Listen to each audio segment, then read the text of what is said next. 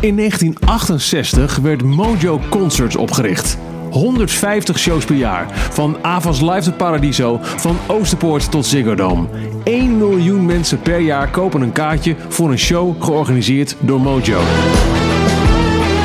Bij al die shows en festivals draait het altijd om de band tussen jou, de bezoeker en de optredende artiest. Maar nooit hoor je het verhaal van de mensen achter de schermen. De mensen die ervoor zorgen dat die artiest naar Nederland komt, dat daar een podium staat en dat jij een kaartje kunt kopen. Wat doen zij? Hoe komt een show, een festival tot stand? Dat hoor je in deze podcastserie. De mensen van Mojo Concerts, de mensen achter de schermen, de mensen die ervoor zorgen dat jij naar een concert kunt gaan, komen aan het woord. Welkom bij 50 jaar Mojo. Hallo, mijn naam is Michiel Veenstra. Welkom bij de derde aflevering van 50 jaar Mojo, de tweewekelijkse podcastserie waarin de grondleggers en mensen achter de schermen van Mojo Concerts alles vertellen over het werk dat er komt kijken bij het organiseren van al die festivals en al die concerten jaar in jaar uit. In deze derde aflevering gaat het over de boekers van Mojo Concerts. Maarten van Vught en Kim Bloem zorgen ervoor dat de bills van festivals en de zalen in Nederland op de juiste dagen worden gevuld met optredens van artiesten. Maar hoe gaat dat? Wie belt wie? Bellen zij de artiest? Belt de artiest hen? En wanneer wordt er dan gekeken waar die artiest staat en wat een kaartje kost? Het zijn de basisvragen die komen kijken bij het werk van een boeker bij Mojo Concerts. Mijn naam is Maarten van Vught. Ik ben 31 jaar, werk als boeker sinds uh, drie jaar bij Mojo en ik focus me hier voornamelijk op hip-hop, RB en een uh, stukje pop.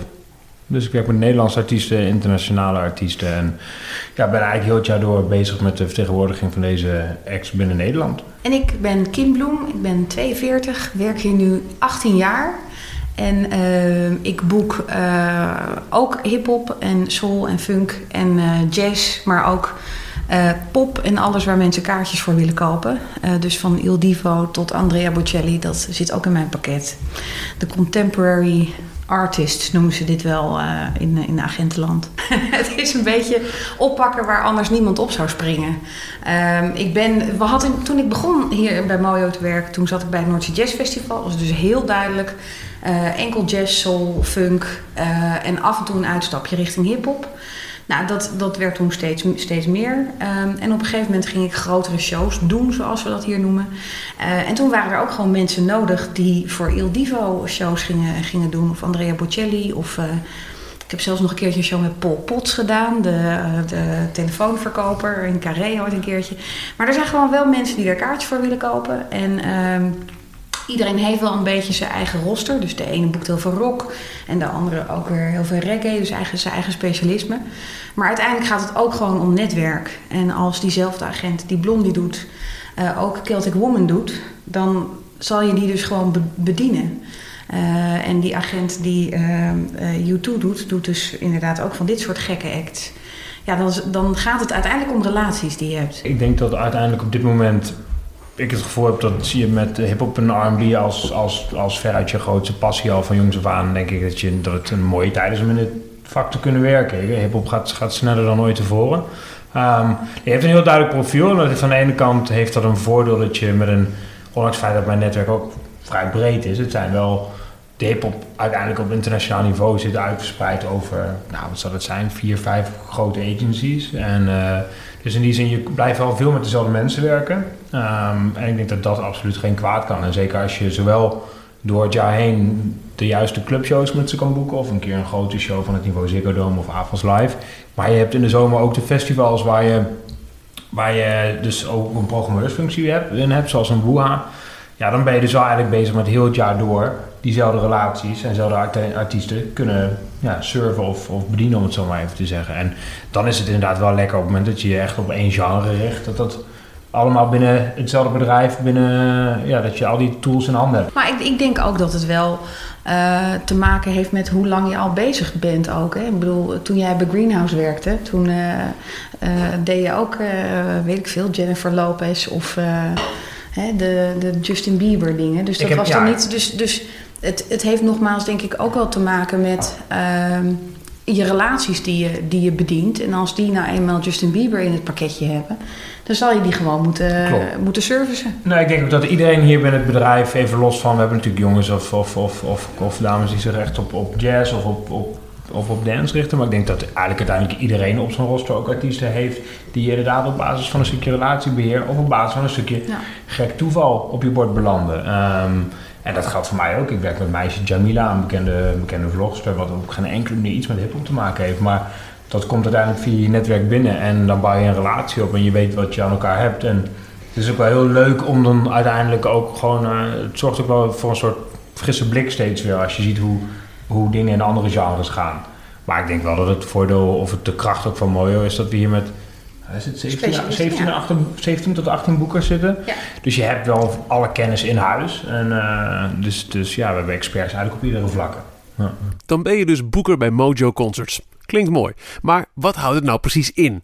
Stel je voor, je staat op een verjaardag en iemand vraagt aan je: Wat doe jij eigenlijk? Dan is dit het antwoord. Eh, dan zeg je, ik boek een bandje. En, eh, want eh, eh, je wil al meteen eigenlijk alle schijn ontwijken dat jij die artiesten dagelijks spreekt en ziet en handjes schudt en ermee hangt.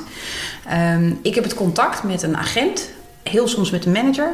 Die komt bij mij binnen met een mailtje of een telefoontje van, nou, artiest X, die wil graag een show doen in Nederland. Wat gaan we doen?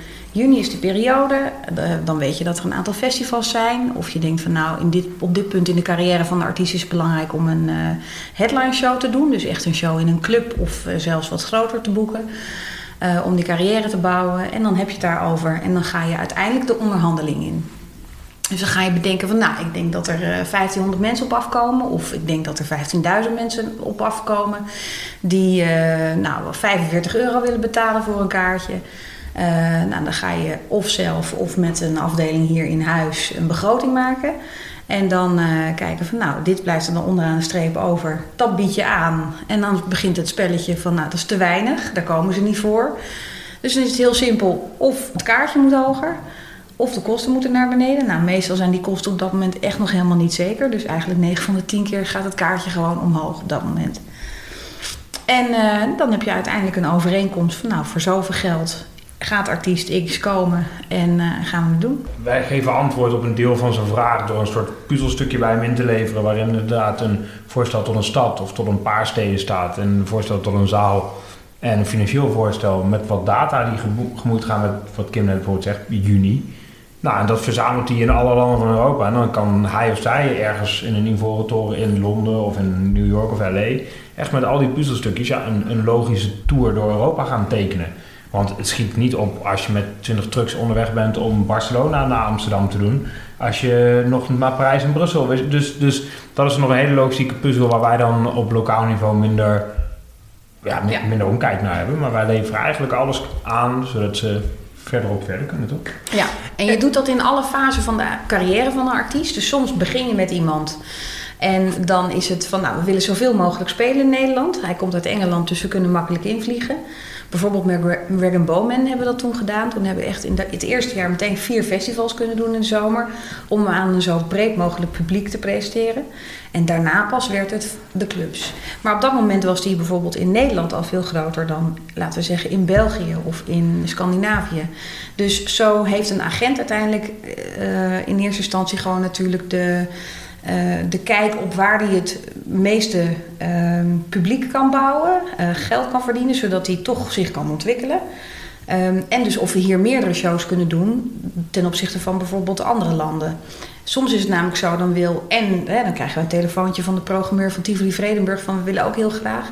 Of eh, de Oostpoort in Groningen. En dan kan je maar één show doen in Nederland. Nou zijn hè, die, die zalen die begrijpen dat wel, maar er zijn ook een heleboel zalen die denken waarom spelen ze nou nooit een keertje in mijn zaal in eh, deze stad? Zijn die dan in de loop van eh, het aanbod dat jullie hebben gekregen? Of, of ga je zelf een beetje hier en daar wat uitgooien van wie zou er geïnteresseerd kunnen zijn? Ja, het is in eerste instantie denk ik wel echt een, een, een eh, doel wat je jezelf stelt, maar in samenspraak met de agent. Dus je hebt het toch wel vaak over of een headline tour, om het zo maar te noemen. Dus de shows waarop er kaartjes worden verkocht voor die artiest. Of een festivaltour, waar dus meerdere artiesten op één beeld zaten waarvan je eigenlijk niet weet of die voor die artiest een kaartje koopt of voor het hele plaatje. Dus meestal is dat wel de eerste stap. Dat je weet, het wordt, het wordt echt een clubtour of het wordt een festivaltour. Of we hebben bijvoorbeeld de maandag nog vrij, kunnen we nog even in Dordrecht spelen. Dat, dat gebeurt ook. Ja. En, eh, maar meestal is het niet een combinatie, want een artiest maakt ook een bepaalde show voor of een festival of voor een headline show. Als je een headline show doet, dan doe je vaker ook de wat meer onbekendere nummers. Uh, en voor een festivalshow moet je gewoon toch ook wel een beetje hits rammen. Want anders dan, uh, is het voor het publiek lastig te, te bevatten. De keuze zet ik een artiest neer op een clubshow of een festival is dus niet altijd een keuze die door Mojo wordt gemaakt. Ik denk niet dat je daar altijd zelf 100% controle over hebt. Wat, wat Kim ook zegt, ja, in veel gevallen word je echt met een opdracht gestuurd van luister, we komen met een eigen show of een eigen productie. Nou, dan weet je, dan vallen festivals af. Dus dan ga je inderdaad kijken naar een, een zaal afhankelijk van hoe groot de artiest is. Um, op het moment dat ze juist specifiek om festivals vragen, ja, dan is je primaire taak als boeker is om dat juiste festival te vinden. Maar al heb je een festival beschikbaar, dan moet je ook nog net het geluk hebben, past het inderdaad in de, in de logistieke puzzel van de tour. Uh, moeten ze niet terug naar Amerika rond die tijd? Kunnen ze niet op, op die dag ergens in, op een festival in, in het oosten of in het zuiden van Europa meer geld verdienen? Dus het moment dat al dat soort dingen dan soms net niet goed vallen, dan kan het zomaar zijn dat je alsnog inderdaad een festival tour hebt waarvan je in, in Amsterdam of in Nederland geen festival om allerlei uiteenlopende redenen kan spelen. En dat je toch voor een eigen show gaat. Wat Kim zegt op een maandagavond in nou, Dordrecht of Amsterdam of Nijmegen of, of Ja. whatever. Maar hoe bepaal je dat? Waar zet je een artiest neer? Op welke zaal? Voor hoeveel mensen? Voor welke prijs? Dat is misschien wel het allerbelangrijkste van het vak van een boeker. Uh, en dus- meestal, meestal toch ook wel een stukje onderbuikgevoel. Kijk, je als, als boeker denk ik dat het gewoon je werk Een is om... stukje, ik denk echt een, het grootste gedeelte. Ja, nee, Ja. kijk, uiteindelijk als boeker is het je werk volgens mij om gewoon de markt goed in de gaten te houden. En veel muziek te luisteren en veel te lezen en met veel met mensen te praten. En daardoor gewoon een beeld te hebben van wat speelt. En zeker in je eigen niche of in je eigen hoek, om het zo maar even te zeggen. Ja, dus op het moment dat zo'n Anderson Paak dan voor het eerst gaat spelen, dan, dan ben je daar toch al achter de schermen al wel een tijd na aan het luisteren en over aan het nadenken. En met mensen van de platenmaatschappij aan het spreken en mensen om je heen. En nou ja, dan op een gegeven moment dat- dat er eindelijk een keer duidelijk wordt van ik ga naar Europa komen, dan heb je in je hoofd wel een, een zaal op basis van stream. Dus eigenlijk een combinatie van onderbuikgevoel, wat Kim zegt, voor hoofdzakelijk denk ik. Maar verder inderdaad, ja, van streamingcijfers tot wat doet het hier op de radio, van de charts of, of wordt het geplaylist. Eh, maar op een gegeven moment, als jij voor de vierde keer in, in een week tijd door iemand uit je omgeving aan je mouw getrokken wordt, heb je dit al gehoord. En je kent het niet, dan is dat vaak dat is een heel duidelijk teken dat er iets aan het borrelen is erg. Ja, dus daarom zeg ik, je- ik denk dat het een van de belangrijkste dingen in ons vak netwerk is en praten met mensen. En dat zijn mensen van, van, eh, van collega-promotoren in het buitenland, eh, tot mensen van de radio, tot mensen bij Spotify, tot eh, eh, in de mensen in de platenzaak, ja, over, mensen van de poppodia. Je, je bent constant met elkaar in dialoog over van alles. En Maar het, het, is wel, het is wel bijvoorbeeld zo'n Kendrick. Ik weet nog toen dat ging spelen, ook voor Lowlands. Toen de eerste quotes hè, die je dan van agenten krijgt, hoeveel zo'n artiest moet kosten. Dan schrikken we ons hier helemaal. Hè, dat, dat, die bedragen die gaan sky high. Met iemand waarvan we nog geen headline show op dat moment hadden gedaan. Eh, hij had alleen op Noordse Jazz gestaan. En eh, heel lang daarvoor een keertje in de Melkweg. Melkweg. En ehm, dus het, wa- het was echt van, nee, echt, vragen ze zoveel? Dat we echt, maar op een gegeven moment gaat dat leven. Dus dan heb je contact met je collega-festivals in het buitenland. En eh, op een gegeven moment is er een gek die zoveel biedt. En dan ga je ook een beetje wennen aan het idee dat het eh, zo hard gaat. Ik was vorige week in, in Londen bij, eh, bij een showcase van een nieuwe artiest, Rosalia. Dat is een meisje uit Spanje. Die mixt flamenco met urban. En Toet Sony eh, uit heel Europa is daar naartoe gevlogen. Uit elk land waren daar drie promotors aanwezig. Dus ik eh, uit Nederland was trouwens de enige. Maar eh, uit Frankrijk waren er bijvoorbeeld was er iemand van Live Nation, iemand van AEG en nog een independent promotor. Dus dat geeft ook dan al aan dat er iets met dat meisje gaat gebeuren. Ook al heeft ze nog maar één echte single. En, hè, dus dan, dan moet het nog gaan gebeuren. Maar dat weet je wel, voor volgend jaar gaat dat, eh, gaat dat shows opleveren en gaat ze gewoon hoge, eh, hoge ogen scoren. Is dat de uitdrukking? Ja, volgens mij. wel. Ehm, maar dan, en dan moet je mee. Maar dan, dan, dan, dan zijn dat ook weer signalen. Als er veel mensen om je heen, dus niet alleen die vrienden die aan je mouw trekken, maar ook gewoon uit de business eigenlijk, allemaal mensen erop springen, dan weet je, oké, ik moet nu wel echt gaan schakelen. En dan moet je snel zijn. Ja, ik praat ook veel met DJ's en, en ook veel van mijn Nederlandse artiesten waar ik mee werk in het, in het genre.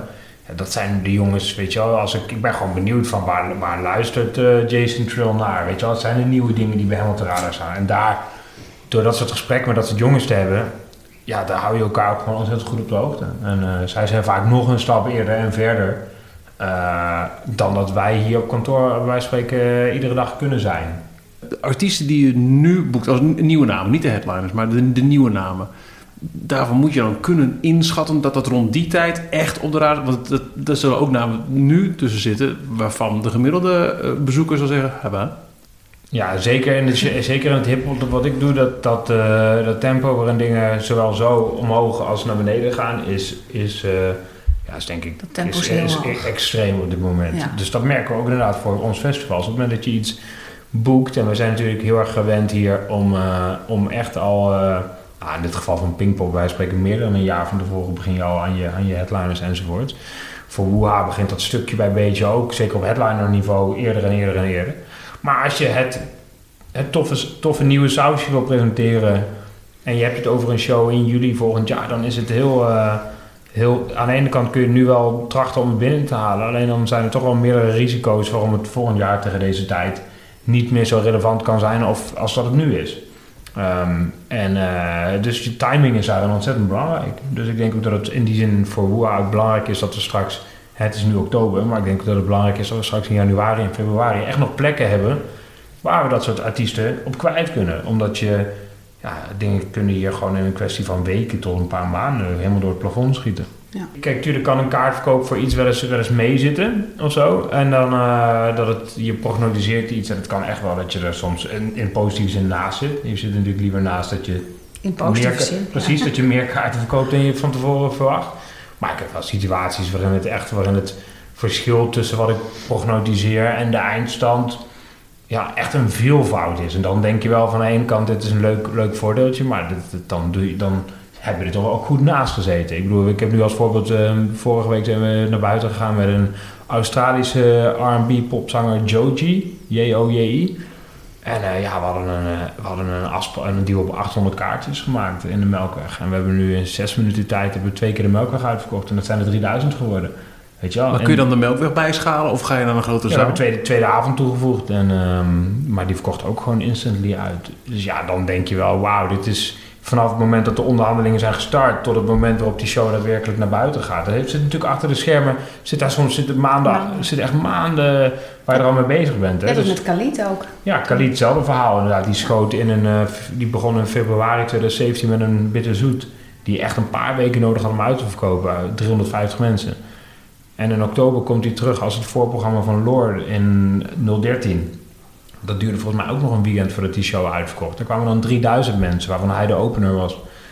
En nog een week later gaan we zelf naar buiten met Khalid zijn eigen show. En hij verkoopt uiteindelijk in eh, 36 uur de Avonds Live uit op 6000 man. Dus dan ga je dus van een bitter zoet naar een Avonds Live in een kwestie van 8, 9 maanden. Ja, dat is natuurlijk wel zo, ja, dat is gewoon wel gek werk. Maar dat is op headline niveau. En als je dan kijkt naar, naar bij, de festivals bijvoorbeeld, dan moeten we soms bepaalde risico's nemen. Ja. En zo hebben we ooit Anderson Paak op Noordse Jazz in de Maas meteen gezet, wat een 10.000 capaciteit zaal is. Eh, waarvan je niet meteen bij een eerste, normaal gesproken zet je die dan eerst in een, in, in een 2000 capaciteit bijvoorbeeld neer. Dus, maar daarvan dachten we wel van, nou, dat gaat toch wel heel hard. We gaan het risico nemen en we denken ook dat hij het aan kan en dat hij het publiek ook meetrekt. En dat was gelukkig ook het geval. Ja. Bij Solange bijvoorbeeld hadden we ook op Noordse Jazz. En iedereen wil dat zien, zeker de eerste 10 minuten. Maar daarna zie je toch wel dat de zaal ook enigszins leeg, leger kan worden. Omdat mensen dan die hype, waar ze allemaal in de, in de bladen over hebben kunnen lezen... en de kranten en zo, nou, dat... Op een gegeven moment hebben ze het wel gezien. En dan is het eh, van, nou, we gaan verder met, eh, met de normale gang van zaken op zo'n festival. En eh, eigenlijk sinds een paar jaar hebben we op Noordse Jazz een camera hangen in het dak. Om ook dat soort publiekstromen te zien en om te kijken wie het echt, eh, Ja. wie echt de En feiten dan kun je mooi de setlist Ja. kun je ernaast leggen. Dus dan kun je precies zien van ja, maar volgens mij duurt deze intermissie wel echt net eh 12 minuten te lang. Want je ziet de zaal helemaal leeg lopen. En dan daar valt het heel moeilijk mee om daar dan over te discussiëren. Ja. Maar ja, En het zegt ook niet zoveel Nee, uiteindelijk, want het, het gaat er ook gewoon om van heeft het het gebracht voor het festival wat nodig was? Ja. Heeft het de aandacht eh, eh, veroorzaakt? Ja, uit de hè? pers en- precies, dat, is, dat is gewoon ook, dat zijn overwegingen die je maakt om, om iemand te boeken op een festival. Maar op, ik bedoel, op de Lowlands en al onze grote festivals, daar heb je gewoon inderdaad met alle boekers slash programmeurs heb je gewoon een appgroep. En dan is het de hele dag, joh, eh, kom even snel hier kijken, dit gaat goed. Hey, wie, weet je wel, dus je bent constant... appgroepen zijn echt doodvermoeiend. Ja, maar uiteindelijk is het wel zo, je, je kan natuurlijk nooit op zo'n Lowlands staan en zes dingen tegelijk te spelen. En dan zijn de afstanden ook nog eens mega. Je kan natuurlijk lang niet alles zien. Dus je moet heel vaak, iedereen beleeft Lowlands dan ook echt op een andere manier. Dus je moet ook wel, ja, weet je, je, je wil toch op de hoogte zijn van wat speelt er en wat gaat er goed en wat gaat er niet goed. En, ehm, En misschien meteen goed wel om aan te geven ook, dus wij zijn boeken van de beentjes door het jaar heen. En ook op de festivals. Ehm, en de festivals programmeer je met een team van boekers met elkaar. En dan ben je dus eigenlijk op het moment dat je met z'n allen aan tafel zit, voor Pinkpop of voor Lowlands of voor Jazz, ben jij eh, eh, het geweten van het festival. Maar als je tegelijkertijd ook nog je beentjes te verkopen hebt, om het maar even plat te zeggen, dan wil dat nog wel eens door elkaar heen lopen. En eh, dat is dus hetzelfde als met die appgroepen. Dat iemand zegt het is hier fantastisch en het staat helemaal vol. Terwijl dat helemaal niet zo is. iedereen De gaat natuurlijk wel naar zijn eigen beentje gaat zijn kijken. eigen Ja. beentje kijken. Dus eigenlijk moet je dat ook niet doen. En moet iedereen naar andermans beentjes Ja. gaan kijken. Ja. Bandjes, bandjes loodjes trekken voor, gaan we volgend jaar doen waarschijnlijk. Dus Maar- dat iedereen gewoon naar een ander beentje moet komen Ja. kijken. Dan krijg je eerlijke antwoorden. Ja. Als boeker bepaal je niet alleen welke artiest je in welke zaal neerzet of op welk festival, maar in het geval van een festival ook waar op de poster. Hele discussies vinden er plaats tussen boekers, agencies en artiesten waar op een poster op de line-up een artiest wordt vermeld en in welke fontgrootte. Ik denk dat wij, dat ik het voor Hoa meer meemaak Ja. dan jij voor Noordzee bijvoorbeeld. Klopt, Kim. helemaal. Ik denk dat inderdaad in de hip-hop is, ook zeker volgens mij in de dance is dat al jaren het geval, maar in de hip-hop en tegenwoordig ook gewoon in de pop, pop-rock is het wel meer en meer een ding dat hoe de samenstelling op de poster eruit ziet. Ehm, dat is bijna even groot onderdeel van de deal als het geld en het tijdstip en het podium waarop je speelt. Dat begint echt meer en meer te worden, omdat het een soort, het wordt, ja, een soort profilering. Weet je een artiest wil op een bepaalde fontgrootte staan, op, op die en die regel voor artiest B.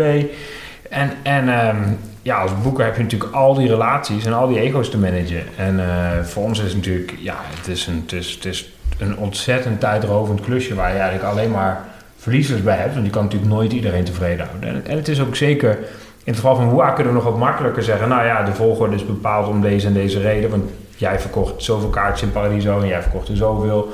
En dan kun je bijna gewoon op basis van hoe groot ben je dan echt hè, sorteren. Maar in het geval wanneer je het hebt over een, over een Lowlands, waarin je een rockband naast een rapper en een DJ moet zetten, dan is het echt appels met peren vergelijken. Hoe kun je in godsnaam zeggen of, eh of A$AP Rocky een grotere act is dan Halsey? Of weet je, dat, is- ja, dat is gewoon heel lastig. Je kan het niet in streams uitdrukken. Er zijn allemaal verschillende dingen die daarin meespelen. Dus dat is een behoorlijk time-consuming ding waar eigenlijk geen heilig antwoord op is. Behalve dat je het in alfabetische volgorde zou kunnen doen. Maar zelfs dan heb je ook... Maar ja, dan krijg je ook weer situaties waarin je natuurlijk... Ja, je wil, eh, je, wil je poster natuurlijk niet beginnen met een eh, babyband... die toevallig een letter 5 als openingsletter heeft. Terwijl je ook... eh, weet ik van wie op je festival op staan. Dus ja, dat, daar is geen heilig antwoord op. Het is eigenlijk altijd duwen en trekken en een beetje... Nou, en, en, en bijvoorbeeld dan op... Nou ja, jij hebt trouwens vorig jaar of afgelopen jaar met Woeha ook nog wel meegemaakt dat eh, er ook wel gecanceld werd omdat ze... Ja, nee, Ja. Dat, is waar, dat is misschien nog wel... En het bizarste voorbeeld hiervan is denk ik toch... En daar misschien dat ik daarom A$AP Rocky ook als voorbeeld aanhaalde. Ehm, we hadden een deal gemaakt om A$AP Rocky naar Europa te halen... samen met eh, twee andere festivals. Dus eh, hij zou naar Europa komen voor een show in Londen... een show in eh, Ierland en een show in Tilburg. En ehm, uiteindelijk dat was bevestigd en we zouden met z'n drieën betalen we allemaal een, een, een, deel. En ehm, vervolgens begonnen er toch wel behoorlijk wat hoofdpijn te ontstaan bij die andere twee festivals, die net iets voor Boeha naar buiten gingen. En eh, ze kregen maar geen akkoord op de plek op de poster waar de artiest zou komen te staan. En die moest dan in een, in een regel met, ja, met, een Charles Gambino of een, of een, of een, eh, een, een, een, Solange. Ik weet niet meer precies om welke act het ging. Maar dat was, in ieder geval een heel duidelijk verhaal, wens vanuit de artiest. Ik wil per se op die regel staan. En eh, toen andere artiesten op de poster daar weer niet mee akkoord gingen, uiteindelijk eh, heeft Rocky dus letterlijk gezegd tegen de twee andere festivals, eentje voor en eentje na ons. Maar dan hoeft het voor mij op deze manier niet. Als ik niet op die, als ik niet op die regel op de poster sta, dan kom ik niet. Dan, is het, dan zie ik het als imago-schade. Als ik deze poster de wereld, akkoord geef om de wereld in te laten gaan. En mensen zien mij op zo'n, in zijn opinie, slechte plek staan. Dan, dan doet het me, breekt, ja, doet het me, levert het meer schade op dan dat het me goed doet. Laat maar hangen. Dus op dat moment, ja, wij zaten bij Woeha natuurlijk wel behoorlijk te knijpen. Want we denken, ja, shit, weet je, als je dus, als je dus, je, je hebt natuurlijk behoorlijk wat vaste kosten wanneer je met 22 man naar Europa komt. En als je dat over drie shows kan uitspreiden, dan is dat nog te doen. Maar toen, we zagen het natuurlijk wel gebeuren. Hij, hij zei ook, ik hoef het geld niet, weet je, ik kom gewoon niet voor die twee andere shows. Maar Woeha mocht hij afsluiten en was, was de, hij kreeg de spot na eh, Migos op zaterdag. En we hadden ook daarmee afgedwongen dat zijn naam ook na die, of boven die van Migos zou komen te staan. En puur op basis daarvan heeft hij gezegd, maar dan kom ik wel naar Hoera. Dan hou ik me wel aan mijn afspraken daar. Want ik vind de plek op de poster en de plek op, de, op het tijdschema vind ik, eh, voelt goed. Dus ik kom. Dus eh, tot, de laat, tot het laatste moment vind je dat natuurlijk toch spannend. Want hiphoppers cancelen helaas nog wel, nog wel wat vaker dan, eh, dan andere muzikanten. Maar ehm, ja, dus dat geeft wel even aan gewoon. Het waren groot festivals en voor veel geld die hij in het buitenland heeft laten lopen. En hij was om de hoek. Maar ja, het was puur op basis van een stukje Ego. ja, bijna, bijna ja, een soort. Het merk Ace Rocky is voor hem gewoon, gewoon leading op dat moment. Voor heel fascinerend. Als boeker bepaal je dus mede waar je een artiest neerzet, gebaseerd op waar die artiest in zijn of haar carrière staat. Een klein podium, een groter podium, boven of onderaan een festivalbil. Als boeker ben je dus ook van een ongekend groot belang in het carrièreverloop van nieuwe artiesten. Ik heb ooit wel eens een, een eh, agent zei tegen mij: Wij maken geen artiesten. De, de artiest heeft zichzelf al gemaakt. Want iedereen wil dan een stukje van eh, de carrière claimen van eh, die artiest. Van ik heb hem zo ver gebracht. Ehm, en ik denk dat het wel echt die mix is. Maar ja, dat is dus. Het gaat, wat mij betreft, inderdaad zeker om teamwork. teamwork. En helaas zien agenten dat niet zo. Want agenten hebben maar één klant en dat is de artiest. De agenten hebben niet eh, ons als promotor eigenlijk als klant. Althans, dat zien zij niet zo. En eh, ja, ik denk dat ze dat toch echt verkeerd zien. Want als wij, als wij een artiest niet boeken op de juiste plek... in ieder geval voor wat betreft de festivals die we zelf doen... er zijn natuurlijk honderdduizend andere festivals, wat je net ook al zei... waar ze wel kunnen staan, maar dat zijn misschien niet de festivals... met de meeste media-aandacht of eh, de landelijke uitstraling. Het gaat toch ook wel gewoon om timing. Ja, ik, helemaal in het begin van mijn carrière heb, ben ik begonnen. En toen was het gewoon net qua genre, waar Maarten bijvoorbeeld nu qua, qua hip-hop heel erg hè, in, die, in die flow ook zit. Zat ik, werd jazz eh, steeds eh, breder gedragen. Dus Nora Jones was een van de eerste artiesten die ik boekte. Eh, Jamie Cullum, waar we op een gegeven moment drie keer HMH mee deden. Eh, John Legend, eh, waar we op een gegeven moment 18.000 man in het Westerpark mee hadden. Dat, was, dat waren toch echt wel succesverhalen vanaf Bovenzaal Paradiso. Of van, eh, vanaf een 300 capaciteit zaaltje. Dus dat was wel... dan, en dan voel je je ook wel echt van part of the team. En die artiesten zien dat zelf ook zo. Dat is wel echt heel leuk om mee te maken. En die zie ik nog steeds op de festivals. Als we elkaar zien, dan weten we of de een een kind heeft gekregen. En dan neem je een cadeautje mee, bij wijze van spreken. Eh, dus dat is, wel, ja, daar, dat, dat is wel iets wat me is bijgebleven. In ieder geval qua het bouwen van en part of the team zijn van, eh, van een carrière van een artiest. Ik merk het op Nederlands niveau ook veel. Als, wij, als ik met hem kijk bijvoorbeeld wat de afgelopen festivalzomer voor Ronnie Flex heeft gedaan. Qua, ik bedoel, hij heeft nu het beste jaar uit zijn carrière, denk ik. Ik denk dat er, ja, hij heeft alles wat hij muzikaal aan heeft geraakt is ontzettend goed gegaan. Hij heeft al zijn shows uitverkocht. Eh, we doen dit najaar doen we de Avas Live en die is nu ook al twee maanden uitverkocht of zo. En wat je gewoon ziet is dat op het moment dat wij een sterke show op Pinkpop gaven op de mainstage, dan zag je dat gewoon op maandagochtend direct terug in de kaartverkoop van Ja. je andere shows waar nog kaarten voor waren. En dan zie je toch ook wel het media-aandacht van zo'n festival. Weet je wel, toch ook weer op de, op de NPO-uitzending en, en interviews bij 3FM en noem het allemaal. Wat dat toch uiteindelijk doet. Dus die festivals zijn in die zin wel echt een tool om zo'n artiest te, Ja. te bouwen en, te, en gewoon letterlijk aan veel mensen te presenteren. Dus ja, ik, ik zie daar eh, absoluut wel een. eh dan ben je echt, echt met iets aan het bouwen. En dat zie je dan ook op wekelijks niveau terug. Ja. Er is veel veranderd in het vak van boeker de laatste jaren. Waar je jarenlang kon vertrouwen op record sales, moet je nu kijken naar streamingcijfers en het bereik van een artiest op social media. Die waardeinschatting die is, eh, die, die, die is echt lastig, want het kan enorm vertekenen. Het kan een enorm vertekenend beeld geven. Maar dat deed het in het verleden ook al. Als iemand een, echt een ongelooflijk aantal platen verkocht, dan kon je bijvoorbeeld nog niet eens carré vol krijgen met 1500 kaarten. Dus waar, waar eerst altijd wel een soort van gouden regel was van eh, zoveel verkochte platen, dat is eh, zeker heus wel 10.000 kaartjes waard. Dat, eh, eh, dat was toen soms, het was gewoon een van de, zaken die bij eh, gingen dragen aan jouw inschatting. Ehm, dus ik denk dat, het, dat ook daarmee, met alle streamingcijfers, dat is hetzelfde. Het is een klein onderdeeltje van het gevoel wat je hebt voordat je iemand ergens neerzet. Toch? Ik, Ja, aan, het, aan de ene kant denk je van er is veel meer absolute data, dus het zou makkelijker mogen worden. Weet je, je kan met één druk op de knop kunnen artiesten of platenlabels uitdraaien hoe vaak wordt een liedje aangeklikt in Nederland en ook nog eens per welke stad of, of regio.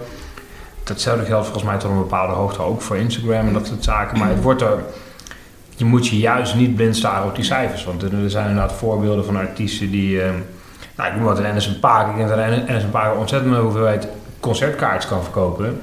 Terwijl zijn streamingcijfers, bij wijze van spreken van zijn laatste videoclip, die worden ingehaald door Frenna.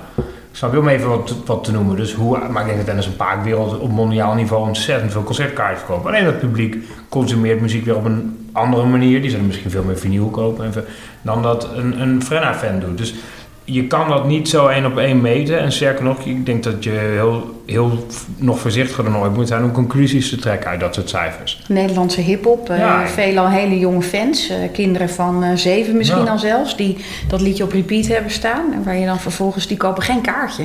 Nee, lang niet altijd in ieder geval. En ik, ik merk het zelf ook dat, dat ik heb Nederlandse artiesten in mijn roster, of dat nou een Donnie of een Joost is, die op streamingniveau bijvoorbeeld echt niet in de buurt komen bij andere nummer 1 successen in de charts. Maar toch dankzij een hele loyale fanbase en een hele duidelijke soort in- interactieve engagement online.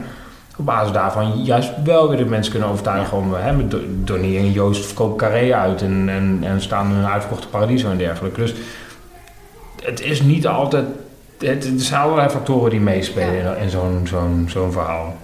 Binnen zo'n duidelijk afgebakende groep als de Nederlandse hip-hop. Als het dan gaat over het uitstippelen van een carrière en wat ga je doen, heb je dan contact met de agenten of praat je ook één op één met de artiesten zelf? Ja, nee, zeker. Die, die, die zie je regelmatig. Die, daar heb je sowieso een paar keer per jaar gewoon echt daadwerkelijk een meeting mee. Maar je ziet ze natuurlijk ook bij shows en borrels en weet, weet ik het. Maar je, daar heb je echt een, maak je een plan. Nou, en een plan bestaat uit van gaan we toeren, gaan we niet toeren, gaan we nachtclubs spelen, gaan we poppodia doen, willen we festivals, willen we naar Salau, dat, al dat soort dingen. Zo'n zo, zo, zo'n vakantieparty-tour, dat, dat kun je Ja, ook... doen we eh, ook. Ja. Ja.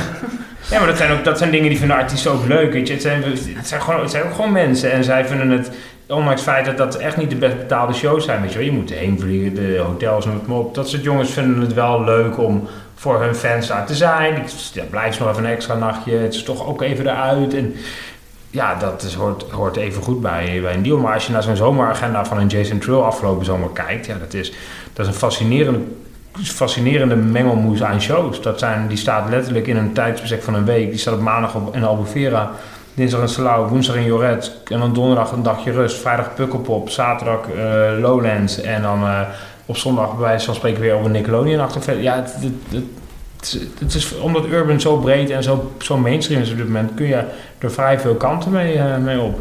Ja. Voor, voor wat betreft die plannen maken, hè, waar je net naar vroeg, want dat, wordt ons ook steeds wel meer gevraagd. Eh, ook op internationaal niveau, niveau van eh, oké, wat gaan we doen? Hoe zien we de, de carrière de komende twee jaar voor ons? Eh, en soms is het gewoon zelfs pitchen voor ons do- door alle toegenomen concurrentie in de markt, ook in Nederland. Eh, maar ook internationaal. Eh, Live Nation is natuurlijk internationaal steeds meer grotere tours aan het inkopen. Zo zijn ook de concurrenten in de wereld. Eh, dus moeten we ook agressiever zijn en zeggen van nou, wij zien voor deze artiest binnen nu in twee jaar eerst een headline show en dan vervolgens gaan we Pinkpop doen. Eh, zonder dat dat echt harde toezeggingen zijn, maar wel dat we zeggen van nou, we zien dit carrièreverloop voor ons. Eh, om ook maar te laten zien dat we aan die artiest willen bouwen en werken. En niet één keer een showtje willen doen, kijken hoeveel mensen erop afkomen. En dan maar denken van nou, dan trekken we dan onze conclusies wel. We worden steeds vaker wel gevraagd om eh, ja, toch een bepaalde mate van loyaliteit te tonen. Terwijl ik moet heel eerlijk zeggen dat van de andere kant die loyaliteit vaak ver te zoeken is. Want als ze dan een, aanbod krijgen van een ander terwijl je net lekker aan het bouwen bent geweest, ja, dan gaan ze gewoon naar de ander. Dus dat is, dat is wel iets wat ook van de laatste tijd is, van de laatste paar jaren, denk ik. Ja, festi- festival, eh, volgens mij is het überhaupt geen geheim dat, dat live spelen en je geld uit live halen voor artiesten belangrijker is dan ooit tevoren. Met platen die minder verkopen enzovoort. Dus toeren is gewoon heel belangrijk voor artiesten. En festivals zijn daar dan misschien ook wel weer het leading onderdeel van. Festivals betalen over het algemeen een stuk beter dan reguliere shows. Alle, je, je komt eraan en Alles alles, staat voor je opgebouwd. Je hoeft, hè, zo'n Ziggo Dome show, er zitten artiesten bij die hebben zelf, die hebben zelf eh, 18 vrachtwagens mee met personeel en de hele mikmak. En die- dat is een dure operatie. Natuurlijk, er wordt veel geld omgezet, maar daar gaat ook ontzettend veel aan, aan, aan personeel en dat soort kosten en aan licht en geluid weg. Nou, zo'n festival is ideaal. Je, speelt er Ja. gewoon iedere dag eentje. Vaak wordt het hotel bij wijze van spreken nog voor je geboekt door de organisator. Dus dat is een vrij lucratief model. Dus festivals worden voor artiesten ook, ook ja, essentieel voor ons vaak om een artiest binnen te kunnen halen. Ja. En gelukkig hebben we er een aantal in ons pakketje zitten. Ja. Dus eh, dat maakt onze positie wel sterker. Ja, zeker. zeker. Dat inschattingsvermogen van een boeker om een artiest ergens neer te zetten waarvan de boeker denkt: dit heeft zin, zit ook wel eens fout. En dan? Vaak denken mensen dat het een soort van risicoloos verhaal is waar overal geld vandaan stroomt. Maar je, je, die deals zijn gewoon zo scherp. Dus je, je, op het moment dat je 60% van de zaal vult, dat ziet er voor het publiek, publiek misschien hartstikke leuk uit. Maar dan, dat is gewoon niet genoeg voor een concert 9 van de 10 keer. Weet je? je marge zit echt in die laatste 20% of zo. Dus er zijn genoeg concerten die voor het publiek er ach, best aardig uitzien. Maar achter de schermen natuurlijk toch wel een klein debakel worden. Ja, ik heb er binnenkort eentje, maar het lijkt me in, in het belang van die show lijkt het me goed als ik, eh, als ik de naam van de desbetreffende artiest en zaal toch maar even niet noem. Die, Ja. heb, die heb ik ook. Maar ja, in de Ja. same story. Ja. Nog zo'n mythe over het boeken van een artiest. Soms krijg je een bepaalde headliner alleen als je er ook B-garnituur van dezelfde agent bij aanneemt voor hetzelfde festival. Ik heb zelf bijvoorbeeld heel lang gedacht dat Hansen een paar jaar geleden op Pinkpop echt zo'n package deal was. Die moet je nemen, anders krijg je niet die ene headliner. Is dat echt zo? Wij noemen dat pleasers. En het is niet zozeer een package deal dan zeg maar dat die artiest dan altijd die arti- andere artiest meeneemt. Eh, dat gebeurt heel soms, maar het is meer, meestal van nou je boekt eh, de headliner en eh, daar ga je echt het gros van je kaartjes op verkopen. En dan zegt die agent, en er zijn er gewoon een aantal, lang niet alle, maar een aantal die standaard, waarvan we hier ook een running gag hebben van ja, oh, daar heb je Steve weer, want die komt weer aan met zijn pleasers. Nou, daar komen er inderdaad een aantal voor Lowlands, een aantal voor Pinkpop aan. Ehm, en dan moet je die gewoon boeken. Hij heeft natuurlijk ook weer een relatie met, met, met de manager van de headliner. Te- ja, ik bedoel, hij kan moeilijk de headliner zijn show cancelen voor weet ik veel hoeveel, hoeveel geld als wij onze pootjes stijf houden over een B-bed. Alleen je doet het natuurlijk omdat je weet dat zo iemand het jaar erop weer een headline. Dus het, het, alles hier draait en staat en valt natuurlijk om relaties. En je wil gewoon je relatie met zo'n agent wil je gewoon goed houden, zodat hij je gewoon jaar in jaar uit kan, kan leveren qua headliners. Ja, maar het moet niet je volledige gezicht van het festival, weet je wel, verpesten. Dus als je daarmee een heel, echt een heel raar bandje op je festival boekt, waarvan je zegt van nou, dit, dit slaat echt helemaal nergens op. En het gaat ook nog eens helemaal mis. Want stel je voor, het slaat nergens op, maar ach, de mensen die er zijn, die vinden het ook leuk. Ja, we hadden het, eh, we hadden het met een... eh, met Charlie, Charlie Wilson, Charlie Wilson, Charlie Mhm. Winston op North Sea. Jazz. Wilson op North Sea Jazz. En hij kwam bij een artiest vandaan die in Amerika, of bij een agent vandaan die in Amerika echt zijn, nou, zijn halve jaar omzet. Want die artiest doet daar ongelooflijk veel kaartjes. In Nederland zou je misschien Paradiso ermee uitverkopen. Ehm, wel op een hoog, hoge ticket. Maar goed, dat zijn niet de omzetten die hij draait in Amerika. En het enige wat die manager wilde was op North Sea Jazz spelen. Dus die geeft dat aan zijn agent mee.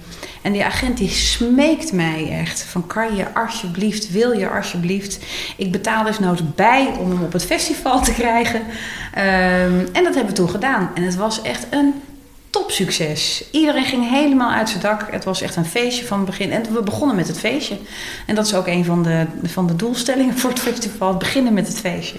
Nou, dat is ook gelukt. Dat was echt een verrassing voor iedereen. Als je Ja. er onderaan even helemaal terug naar het begin. Hè? Je hebt eh, dat, dat mailtje van eh, een agent komt. We willen een tour noemen die en die. En dan kom je met het voorstel.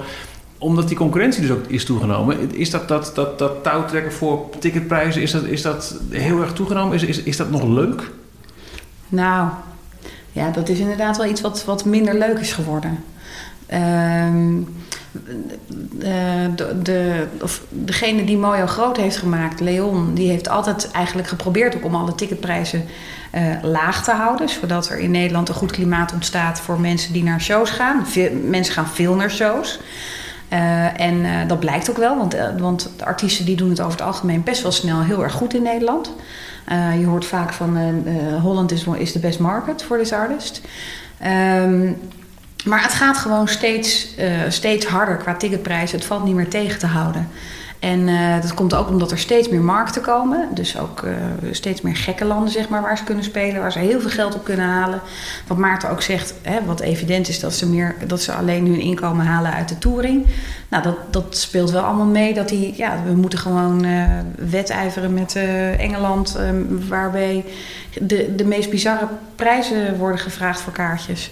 En wij verbazen ons hier zelf ook nog wel eens over. Bijvoorbeeld later BTS. Die ticketprijzen waren echt sky high. Waarvan we denken van nou, dat is niet meer, niet meer gezond. En wat verkoopt er als eerste? Dat is rang 1. Dus mensen betalen het Ja, ervoor. maar ik wil, dat is het enige inderdaad. Soms heb je in je hoofd natuurlijk een soort stukje ethiek zitten. Van ja, god, het, het, weet je wel. Alleen, het is natuurlijk ook een stukje supply and demand. En eh, weet je, niemand wordt geforceerd om dat geld te betalen. Alleen je merkt inderdaad, zeker wat Kim zegt, op het moment dat je een concert met meerdere rangen hebt.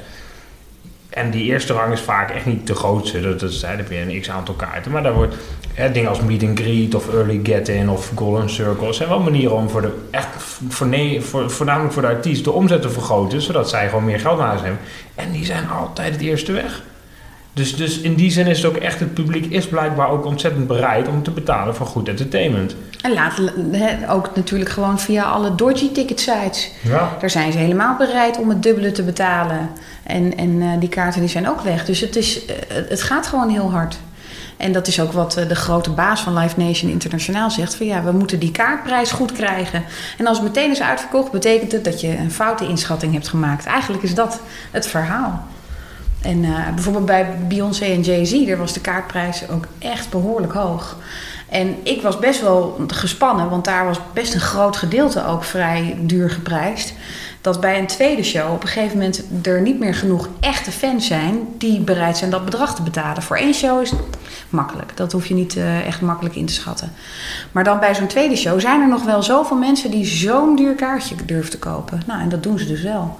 Dus ja, het is wat, eh, wat de gek ervoor geeft, zeg maar. Het gaat echt eh, gaat heel hard.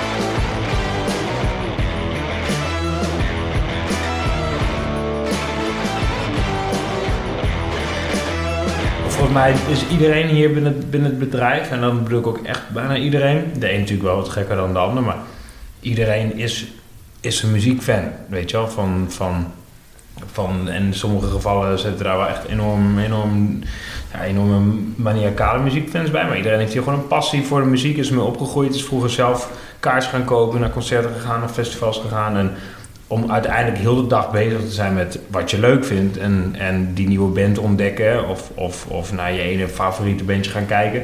Dat kunnen doen en daadwerkelijk een stukje bijdragen aan zo'n carrière is natuurlijk superleuk. Ja, dat, dat bouwen, dat meebouwen aan iets en onderdeel zijn van dat team, Ja, dat is ook echt wat, wat het leuk maakt.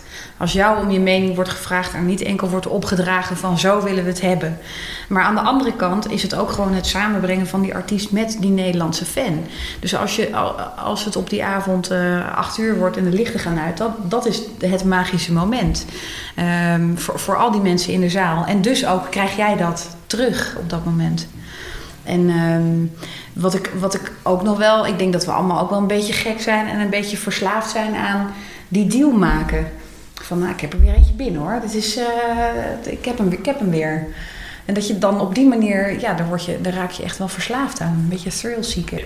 een voorbeeld wat lang niet alle luisteraars iets zal zeggen, maar dat is voor mij dan een heel recent voorbeeld. Ik werk nu al zes jaar, dus ook bij mijn vorige werkgever werkte ik met eh, een Nederlandse rapper, Ares. Jongen bij mij uit de buurt. En heeft jarenlang geploeterd en eh, geknokt en showtjes in keldertjes hier voor 150 euro en nou, noem het allemaal maar op. En ehm, daar hebben we echt jaren aan geknokt samen en eh, nooit vertrouwen verloren. En eh, op dit moment toert door Nederland in zijn derde uitverkochte tour.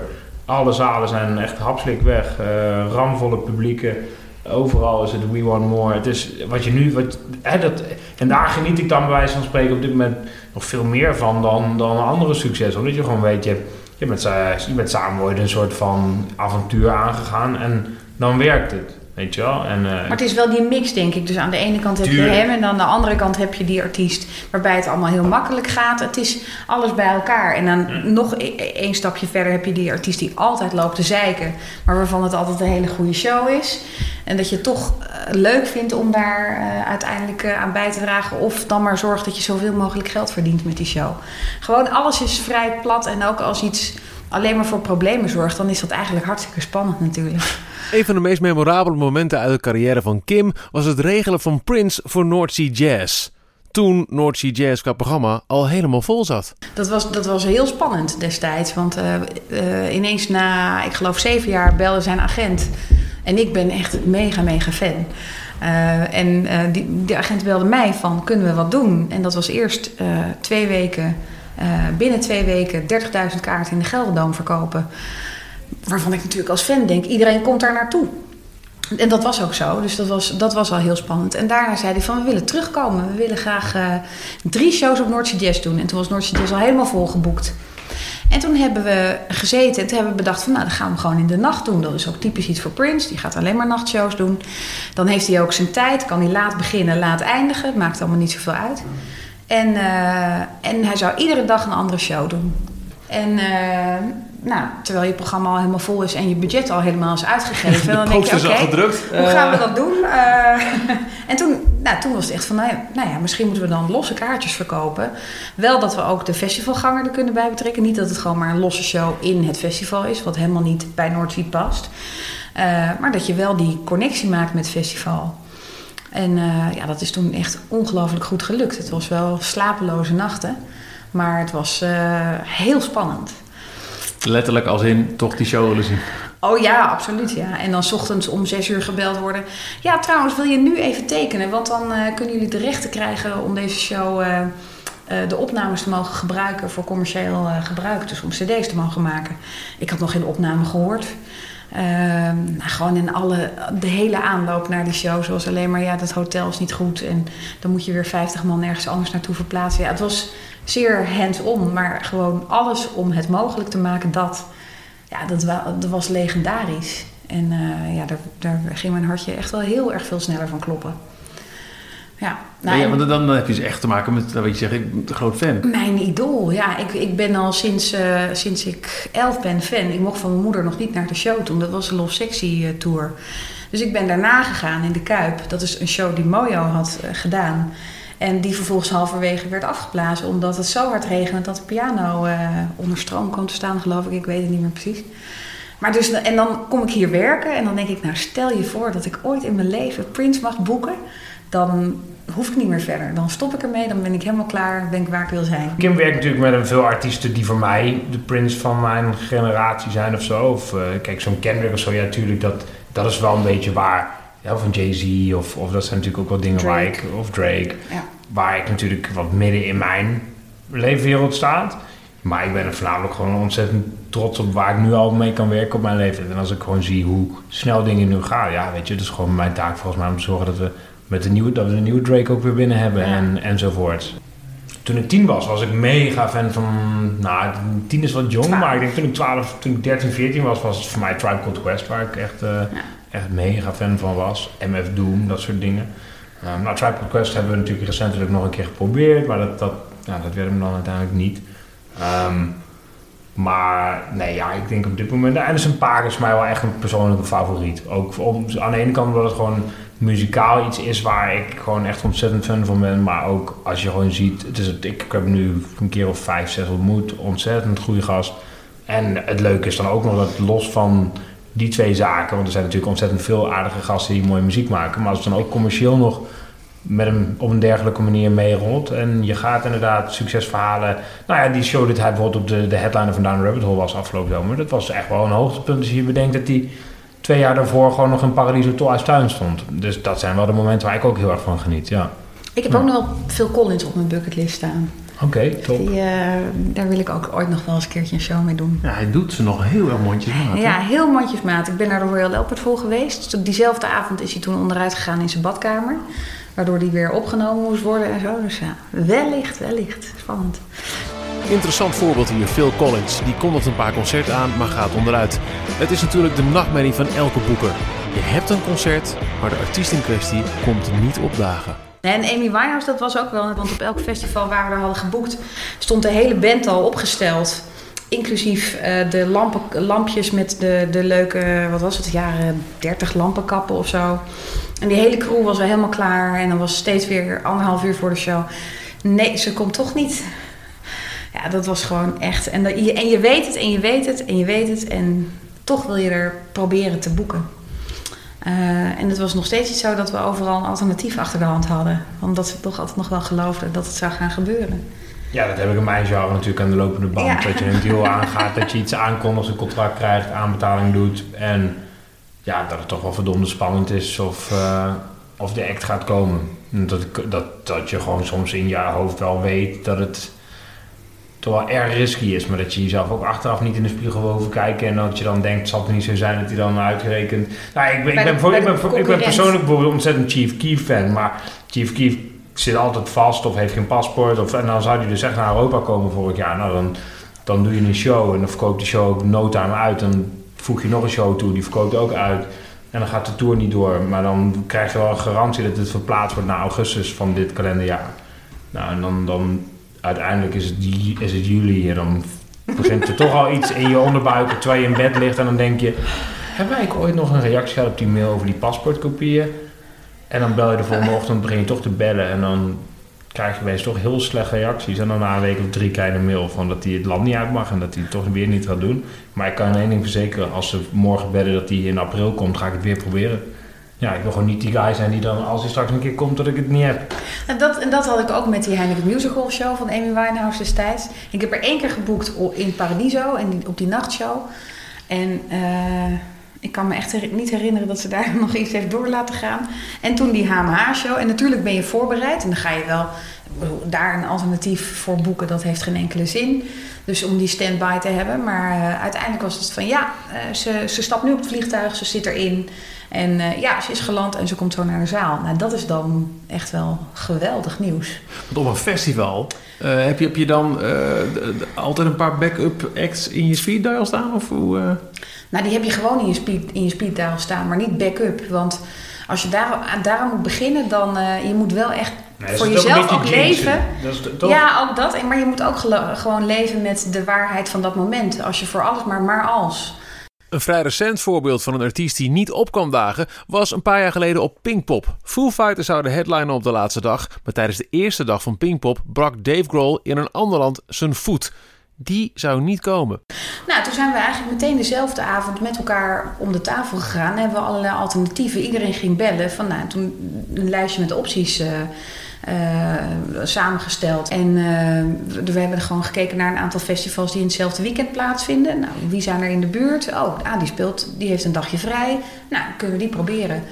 Want uh, ja, we hebben heel erg in het verleden wel eens volgens mij een keertje als backup gehad. Of, maar volgens mij was het ook niet echt dat ze stand-by stond, maar, stonden, maar gewoon ja, de Nederlandse artiesten zijn natuurlijk sowieso makkelijk om, uh, om ervoor in te ja, Maar goed, het ging om een headline spot. En dan, ja, nee. Met alle respect, maar dat is een, niet, ja, niet meteen een Dat is een reden waarom headline spots, wat ik eerder in het gesprek ook zei, vaak 14, 12 maanden van tevoren geboekt worden. Omdat het natuurlijk om, het gaat om megaproducties, belangrijke ja. acts, veel geld. Dus ja, als je, als je een headliner binnen 48 uur geboekt zou kunnen krijgen, zeg maar, dan, dan zouden we er niet 14 maanden van tevoren normaal gesproken aan beginnen.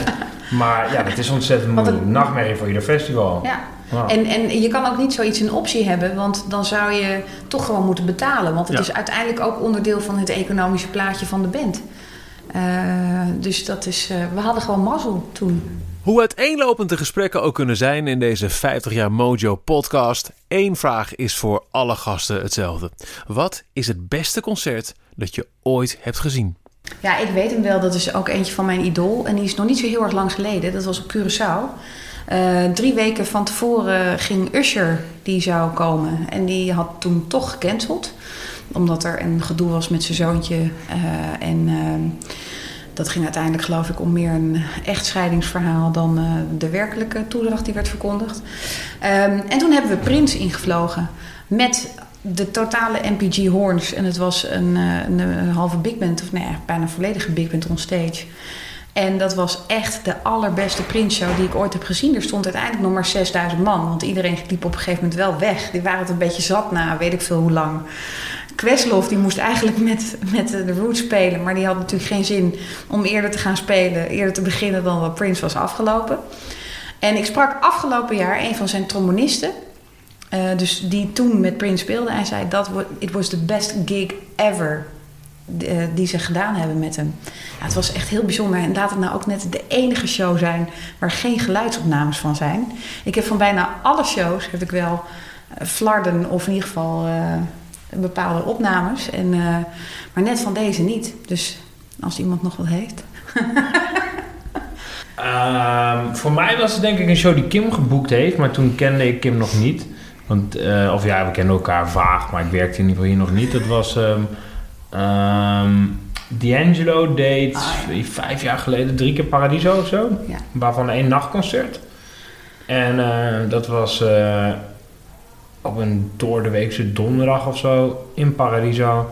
Was, toen was het dus drie keer uitverkocht. En ik had nog heel last minute op de dag zelf ergens twee kaartjes kunnen bemachtigen. Ook voor, voor die tijd echt 75 euro of zo. Ja, dat was een Paradiso begrip ontzettend duur natuurlijk. Maar dan Paradiso, één uur s'nachts.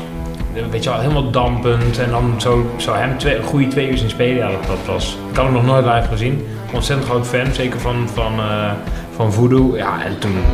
Dat was voor mij wel het meest. Maar toen dacht ik wel, ja, dit, dit, uh, hier doe je het voor. Hier doe je het voor. Ja. Tot zover deze derde aflevering van de 50 jaar Mojo podcast. Bedankt voor het luisteren. Elke twee weken is er een nieuwe aflevering waarin grondleggers of mensen achter de schermen van Mojo vertellen over hun werk bij Mojo Concerts. Wil je geen enkele aflevering missen? Abonneer je dan in je favoriete podcast app op deze podcast. Dan krijg je over twee weken vanzelf de nieuwe in je feed en die gaat over het promoten van een show. Een artiest boeken is één ding, maar hoe laat je de mensen weten dat er een concert is? Tot over twee weken bij 50 jaar Mojo.